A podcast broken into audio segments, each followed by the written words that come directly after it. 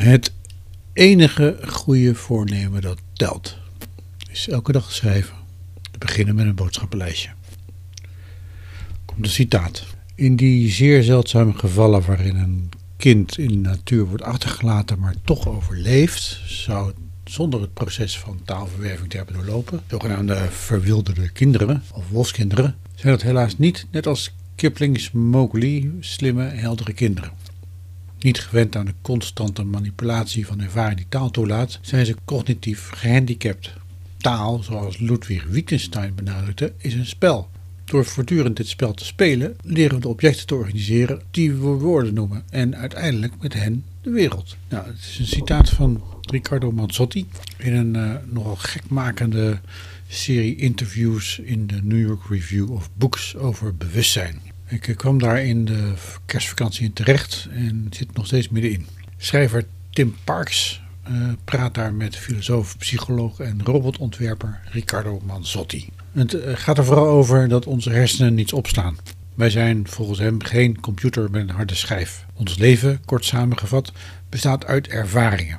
En ons denken is het ervaren van die ervaringen en het leggen van verbanden tussen die ervaringen. Dat doen we dag en nacht. Dat is onze geest, eh, die niet in ons hoofd zit, maar in ons hele lijf. Ja, uh, taal is de manier waarop we de ene ervaring via een abstractie kunnen blijven verbinden met de andere ervaringen. En nieuwe ervaringen kunnen toelaten. Het enige geheugen is het vastgelegde woord. Dat dan weer betekenis kan verliezen wanneer we de ervaringen waaraan het woord is verbonden nooit meer ervaren. Nou, wat kan je hier nou mee in de praktijk? Iedereen zou moeten schrijven. Niet alleen maar de mensen met Nobelprijsambities. Kijk, want wie niet schrijft, zo zou je in extreem kunnen stellen, die bestaat niet. Nee.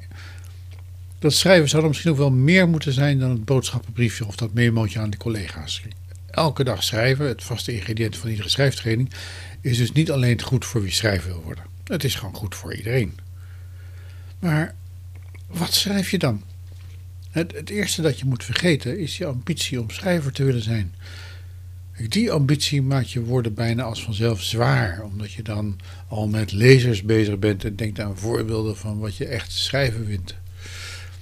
Kijk, bij sommigen kan die inwendige stem, die stem waarmee je denkt, gaan lijken op de president van Amerika. Of de dominee op de kansel. Vroeger.